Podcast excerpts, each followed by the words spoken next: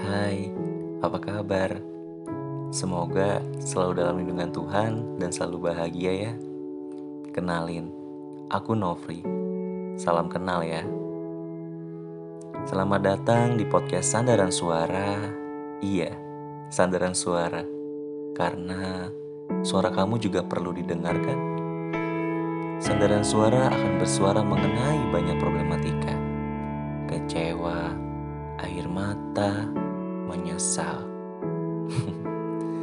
Menjadi dewasa gak menyenangkan ya. Tenang, kamu jangan merasa sendiri. Kita akan saling menguatkan dan saling memeluk melalui suara. Sekali lagi, selamat datang dan selamat mendengarkan untuk suara-suara yang perlu juga untuk bersandar. Sandaran suara, dengarkan suara hatimu.